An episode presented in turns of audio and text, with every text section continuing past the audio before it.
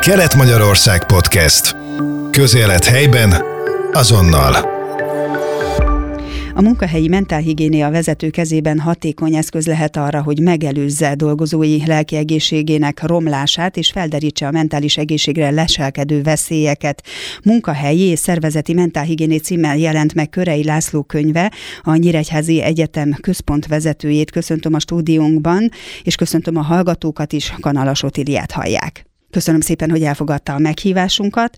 A fenntartható lelki egészség szempontja nagyon fontos, és nagyon sok cég hangoztatja is ezt. Tesznek is érte? Legyen ez az első kérdésem, aztán a kötetről fogunk beszélgetni részletesen. Tiszteltek, köszöntöm én is szerkesztő asszonyt és a kedves hallgatóságot. Nagyon sokat teszünk értem, ugyanis az a munkahelyi szervezeti jólét stratégia vagy well-being, ez nem csak európai szinten, hanem világszinten is egy nagyon fontos törekvés a WHO, vagyis az Egészségügyi Világszervezet nagyon fontosnak tartja azt látni a világ országaiban, hogy a mentális egészségért nagyon sokat kell tenni azért, hogy az ember, hogyha holisztikusan nézzük, van egy teste, van egy lelke, van egy szelleme, és van valamilyen spirituális kapcsolódása, és hogyha ez a négy összeér, egységben van, holisztikusan akkor mondhatjuk azt, hogy épp testben, épp lélek. Mind munkavállalói szempontból, mint családalapítási, nemzetépítési szempontból nagyon fontos faktor, hogy az emberek lelki egészsége, vagyis mentális állóképessége edzett, fejlett legyen. És én magam azt szoktam mondani, hogy inter-covid helyzetben vagyunk, folyamatos válsághelyzetek érik biológiailag, egészségügyileg, nagyon sok szempontból a társadalmakat. Ezekre egy tudatos jelenléttel kell készülnünk egyéni szinten és közösségi szinten. Mármint a kihívásokra kell felkészülni. Abszolút így van, és ugye a kihívásokra való reflektálást én mindig a proaktivitásban és a rezilienciában látom, vagyis az, hogy legyen egy rugalmas pszichés ellenálló képességünk. Ehhez a könyvemben is írtam, hogy fel kell állítanunk a lelki egészség képletét, aminek van egy számlálói oldala, van egy nevezői oldala, és erre mindenki képes, nem kell túl gondolni tudományosan. Mit is jelent ez? Számlálóban van az, hogy megnézem az életkörülményeimet, megnézem a lakhatásomat, megnézem az embertársi környezetemet. Ez egy pozitív faktor sok mindenkinek, valakinek sajnos negatív megnézem azt, hogy érzelmileg mennyire vagyok érett abban a szituációban, abban az élethelyzetben, amiben alkotom, kiteljesedek. Megnézem azt, hogy az emberi kapcsolataim minősége mind magam által, mind a környezetem által milyen. Igényem van a folyamatos tükörre, az önreflexióra és a reflexióra, és levesszük időként azokat a maszkokat. No nem a védelmi maszkot, amikor eh, Covid van, vagy vírushelyzet van, hanem azokat a maszkokat, amelyeket sokszor önmagunk és a munkahelyi, szervezeti, szak szakmai, emberi szerepeink alkotnak. Most arról beszélgetünk, hogy az egyén mit tehet a mentális egészsége megőrzéséért, és el fogunk jutni oda, hogy mit tehet egy szervezet, mit tehet egy strukturális szervezet, adott esetben a munkahely, de hogy a kettő hogyan hangolható össze, az is nagyon fontos. Már amikor belépünk egy munkahelyre, mennyire látják egy állásinterjún, hogy milyen lelki állapotban, milyen mentális állapotban van a dolgozó, avagy csak az számít, hogy vigyük a bizonyítványainkat. Mind a kettő nagyon fontos a kompetencia alapú tudástársadalomban, viszont van egy észlelési percepciónk, amit nem tudunk betenni a fiókban. Látjuk azt, hogy az életvezetése, az időérzéke, a kinézete, a személyi higiénéje milyen az egyénnek, ebből már nagyon sok mindenre tudunk következtetni. Én magam egy nagyon toleráns, elfogadó ember vagyok, soha nem szeretek címkézni, hogy most ő így néz ki, úgy néz ki, de bizony árulkodik arról, hogyha krónikusan elkésik valaki, hogyha az időérzéke nem olyan, és egy tipikus coaching téma szokott lenni, én már unom is, amikor mondjak, hogy a munka meg a magánélet egyensúlya. Az én nézőpontom szerint, könyvemben is leírtam, ilyen nincsen, hogy munka-magánélet egyensúly, olyan van, hogy emberi és életvezetési egyensúly, és hogyha a balansz megvan, kialakul, akkor azt gondolom, hogy az éptestben éplélek ezt meg tudja valósítani. Mit is jelent ez praktikus hétköznapi értelemben? Az, hogy a minőségi pihentető alvásra nagyon sokat teszünk, ez kihat a lelki állapotunkra az, hogy mozgunk. Ahogy Bagdi Emőke professzorasszony is mondja, hogy a kacagni, kocogni, lazítani, hiszen a kacagás az egy zsigeri kocogás. Tehát, hogyha olyan örömforrások jönnek be az életünkbe, ami természetes humán interakció, vagyis emberi kapcsolatokból jön, akkor szerencsénk van, és akkor tényleg boldogabbak tudunk lenni. Akinek ez nem adatik meg, szoktam mondani, hogy érdemes nézni akár interneten, akár más forrásban a hahota klubok működését, mert Amerikában ez egy nagyon jó példa, hogy hahota klubokat alakítanak például daganatos betegek ápolásához, vagy itt a Heimpál gyerekkórház is alkalmaz olyan technikákat, amivel a gyerekeket erősebbé varázsolja a bohóz doktort, ugye mindenki ismeri. Megvannak azok a források, ami pillanatnyi örömöt, alkalmi örömnél tartós, jó közértetet is tud teremteni, és hát ki tudja zökkenteni az embert a monotóniából. Ez lehet a kulcs a 21. században, de én azt mondom, hogy az online világot is észszerűen használjuk. Minél több humán interakció, minél több emberi kötődés, minél több emberi kapcsolat, minél több emberi érintkezés, ez teremtheti meg a mentális jólétünk fundamentális értékein. Én még mindig arra gondolok, hogy én mondjuk egy munkáltató vagyok, egy munkaadó vagyok, bejön hozzám egy új dolgozó. Ön azt mondja, hogy egyrészt a viselkedéséből, a megjelenéséből le tudom nagyjából szűrni, hogy milyen mentális állapotban lehet az illető. Nyilvánvalóan a szakmai múltját, a szakmai előmenetelét is meghatározza az, hogyan tud beilleszkedni egy közösségben. Aztán utána már csak a közösségben tudom figyelni a reakcióit, hiszen itt már majd egy csoporthatás is fogja érni a kommunikációját, mondjuk amiből még olvashatok. Milyen jelek vannak még, amelyek megmutatják, hogy egy-egy ember milyen mentális állapotban működik? Egyrészt a mindenkori hatalomhoz vagy autoritáshoz való viszony, ami minden munkahelyen megvan. Az, hogy bele tud-e ő egy szimmetrikus viszonyba helyezkedni, aláfölé rendeltségi, vagy mellérendelő, vagy hozzárendelő viszonyban gondolkodik. Az, hogy tudja a szervezeti szerepét, és a szerep, ami egy személytelen társasorna sokszor, munkahelyi szerepé alakítani azt, hogy ő feladatorientált. Nyilván lehet bele érzelmeket, az, hogy ott mennyire teljesedik ki, hogy nem megfelelési kényszerrel, vagy krónikusan az, hogy miben tudok segíteni, ez a túlzott segítői szindróma már sokszor gyanussá válik a szakemberek számára. Én szervezeti önismereti szakember is vagyok, azon túl, hogy coach és egészségfejlesztő mentálhigiénikus. Látom azt, hogy valaki krónikusan igazodni akar, és látom azt, hogy sokszor a bizonytalanságból is adódik, egyrészt kompetencia hiányból, másrészt pedig a világból fakadó bizalmatlanság, bizonytalanság. Én mindig azt szoktam tanácsolni kliens központú segítőbeszélgetéseken is, hogy legyünk természetesek, legyünk kevéssé modorosak, és tényleg önmagunkat helyezzük bele abba a feladatba, abba a kompetencia tárba, tudásban, képességben, hozzáállásban, és akkor mindenki számára egy feladatorientációval, egy emberi hozzáadott értékkel, egy jó minőségű munkahelyi klímát lehet teremteni, amiben vannak feladatok, vannak hatáskörök, ezeket betartva tud az ember élni, kiteljesedni, alkotni, és nyilván a többiek számára is nagyon szeretem ezt a törekvést, hogyha látszik a szervezett polgárság, ami ugye azt jelenti, hogy az átlagtól, vagy az átlagostól egy picit többet tudok hozzáadott értékként emberileg és szakmailag beletenni. Szerkesztő asszony is nagyon jól tudja, ebben a stúdióban is bárhol ez nagyon sokat tud adni, hogyha valaki az átlagtól egy picit többet tesz bele, emberi minőségben és szakmailag, na az bizony-bizony a jólét egyik forrása lehet. Egy másik nagyon fontos kérdés, hogy mi jelenthet stresszforrást egy munkahelyen, mert ugye ahogyan a könyvében is leírja, és hűen ábrázolja, hogy mindenkinek a saját munkahelyén, a saját munkahelyi közegében van egy úgynevezett virágzás és egy hervadás időszaka vagy korszaka, és hát ebben a hervadásban nyilván benne vannak a nehézségek, a stresszforrás, a leterheltség, esetleg a konfliktusok. Tíz éves szakmai tapasztalatom és részői megfigyelőseim alapján azt állítom, hogy leginkább a kimondatlanság vagy a kódolt konfliktus. A kommunikáció az mindig egy felszín. A mély az a szervezeti struktúrából, a hierarchiából, és ahogy én a könyvemben is modellezem, a mentális egészség konténumából vezethető le. Mit is jelent ez? Hogyan tudsz kiteljesedni, és hogyan tudsz szépen lassan, ugye burnout szinteken elégni vagy kiégni ebben a dologban. Visszatérve a kérdésre, a stresszor azonosítása az már maga egy nagyon fontos dolog. Tehát valakiből kollégánk vagy a kolléginánk arckifejezése és stresszforrás vált ki. Vagy maga a főnök, ugye nem szeretem ezt a szót sem, én vezetőnek szeretem hívni, és Péter Drak Drucker volt a vezetés nagy gurúja, aki azt mondta, hogy ki a jó vezető. Hát az a jó vezető, aki látja a valóságot.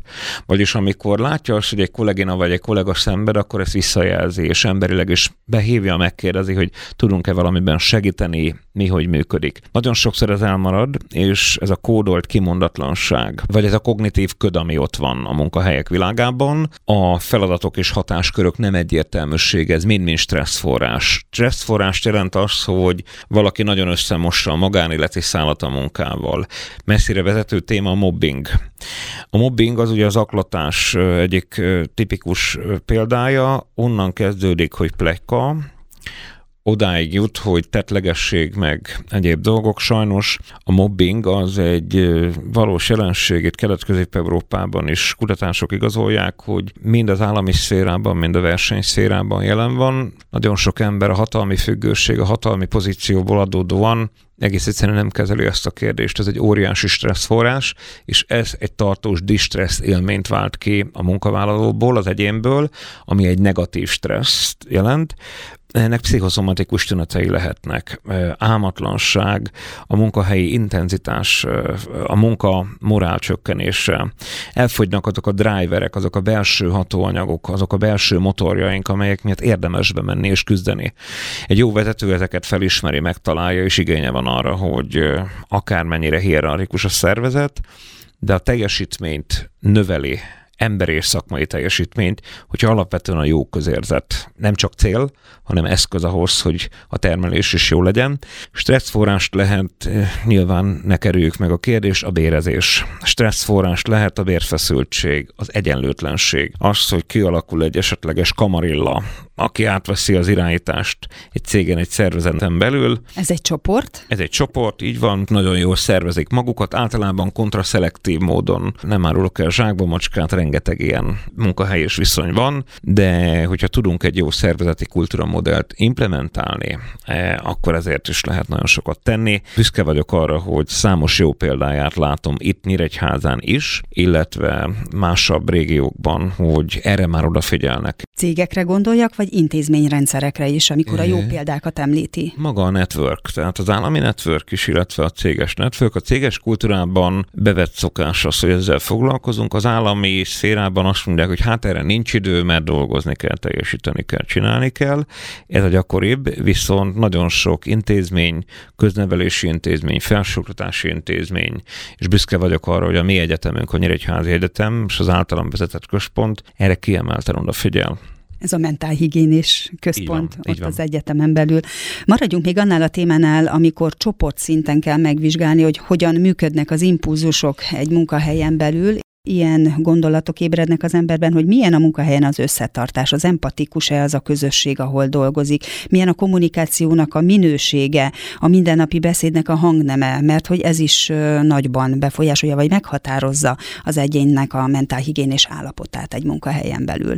Így van, és hogy miről szól a diskurzus. Tehát azt szoktam mondani, hogy az apkásától egészen az önmegvalósításig nagyon széles a spektrum, ez egyéni igényszintől függ, nagyon jó, hogyha heterogén. Tehát én azt szeretem, és azt látom egy igazán jó versengő közegben is, hogyha, hogyha sokrétű, hogyha plurális, hogyha sokszínű, ha sokoldalú, ha van egy egészséges vitakultúra, ha lehet úgy nemet mondani, hogy abból nincs haragsértődés, ki tudom jelölni a saját határaimat, csoporton belül ez a legfontosabb a mentális egyensúlyhoz, hogy kijelölöm az én határaimat, a szakmai határaimat, a privát határaimat. Erre mondjon egy példát konkrétan arra, hogy ne haragudj, én ebben a témában nem veszek részt. Vagy hogyha valahol hallok férfiként nőgyűlölő vicceket, vagy himsoviniszta megközelítést, férfiként azt mondom, hogy nekem eddig és ne tovább, nekem ez nem fér bele. De fordítva is igaz ez a példa.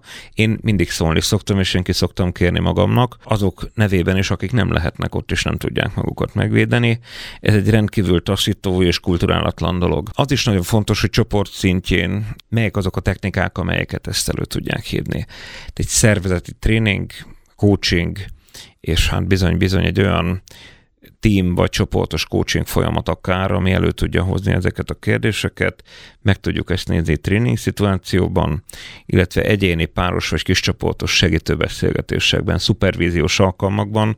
Erre számos alkalmazott technika van és módszer, amelyet a modern szervezés tudomány praktikus technikákkal is megközelítve, hogy én magam a könyvemben is leírtam erre konkrét modelleket, példákat, és bevált és alkalmazott vagy alkalmazható jó gyakorlatokat. Mennyire tartják fontosnak a cégek, az intézmények ismét azt, hogy a koronavírus járvány után foglalkozzanak ezzel a kérdéssel? Legtöbb esetben úgy látjuk, hogy igény van rá, de forrás az kevés. Tehát, Mert hogy home office volt nagyon sok helyen, igen. és hogy ezek a igen. csoportdinamikák nem működtek, igen. illetve nagyon sok helyen új munkatársak érkeztek, régiek elmentek, igen. és egy teljesen új közegbe kellett beilleszteni a napi feladatokat.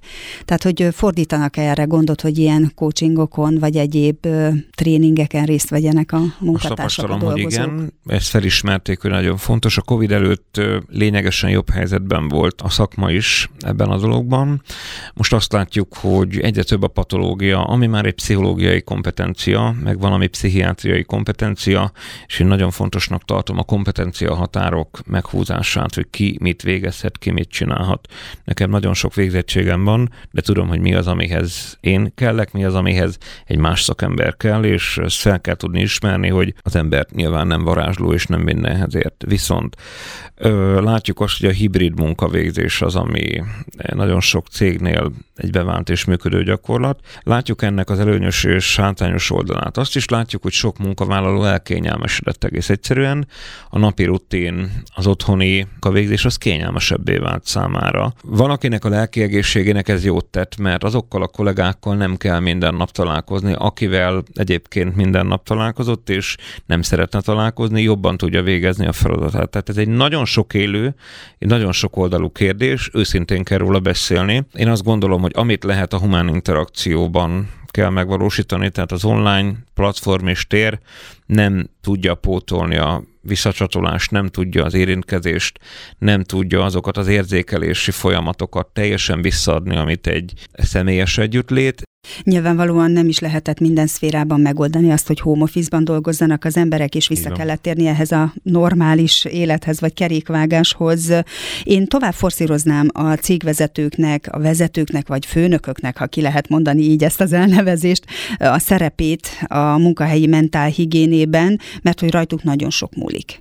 Rengeteg nagyon sokan egy jó vezetőért dolgoznak, és nagyon sokan egy rossz vezetőtől mennek el. Nem a munkától, nem a feladattól, hanem attól a közegtől, amit megteremt. Na de ki az a munkavállaló, aki megmondja, hogy ki a jó főnök, vagy ki a rossz főnök? Egyáltalán ki az, aki azt mondja, hogy bizonyos kritériumok alapján én fel tudom állítani, hogy velem jót tett, vagy sem. Ez mindig egy szubjektív tényező tud maradni. Objektíve úgy tud egy vezető sikert elérni ebben, hogy megversenyezteti a kollégáit, hogy folyamatosan tesz azért, hogy rekreációs terek, rekreációs szakaszok, olyan karrierutak, olyan kompetenciafejlesztési alkalmak valósuljanak meg, amiben ki tud mindenki emberileg és szakmailag is ö, bontakozni a saját skilljeinek megfelelően.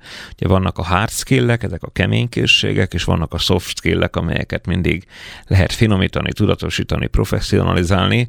Mi magunk is ezt csináljuk az egyetemistáinkkal, akiket folyamatosan készítünk fel a munkavállalásra, az életre, és én, mint munkahelyi vezető, akinek ugye vannak alkalmazottjai, vannak beosztottjai, vannak önkéntesei, vannak hallgatói, nagyon figyelem figyelek arra, hogy egy harmonikus légkör legyen, és mindenki a feladatának megfelelő munkavégzés tevékenységet lássa el, nem elkényelmesedve. Akkor említsen néhány ilyen kulcskompetenciát, ami egy munkahelyen fontos. Ugye megnevezte idegen kifejezésekkel is ezt a hard, igen, illetve a soft igen. skilleket. Az első az a rugalmasság. Tehát az, hogy a mai világban rendkívül aktívnak, rugalmasnak és a változásokra való állandó készenléti állapotban kell lennünk ahhoz, hogy jól tudjunk reagálni egy helyzetre.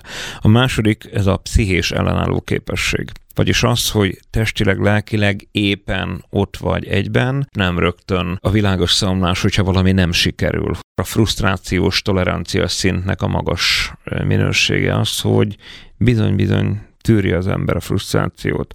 A konstruktív konfliktus kezelési készség, vagyis nem egy romboló konfliktusba megy bele, hanem felvállalja akár a konfliktust, elmondja az A verziót, elmondja a B verziót, és lehet lesz belőle A variáns B vagy C megoldás.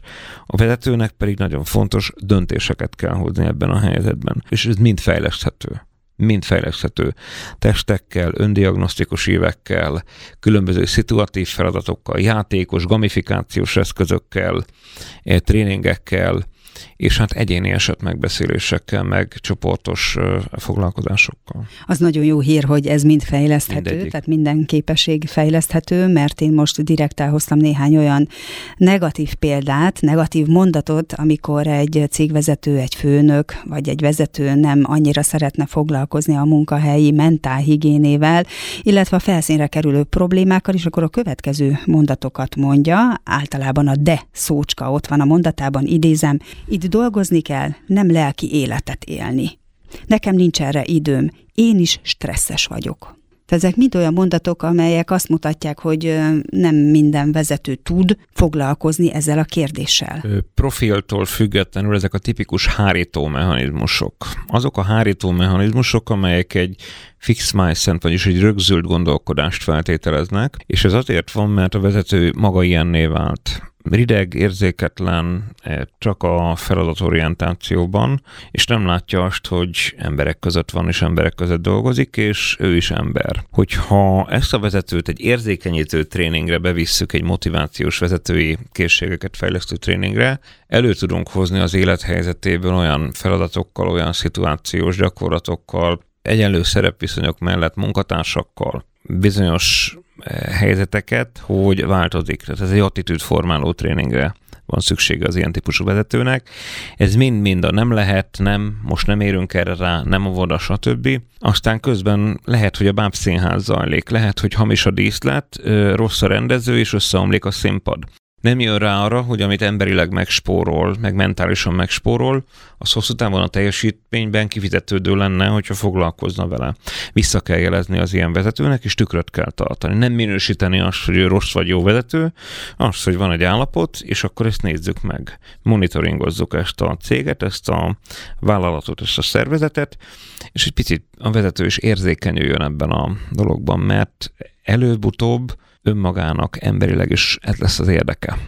Az önkönyve tudományosan megalapozott, nagyon jó szakmai véleményt is kapott ez a könyv. Kiknek ajánlja?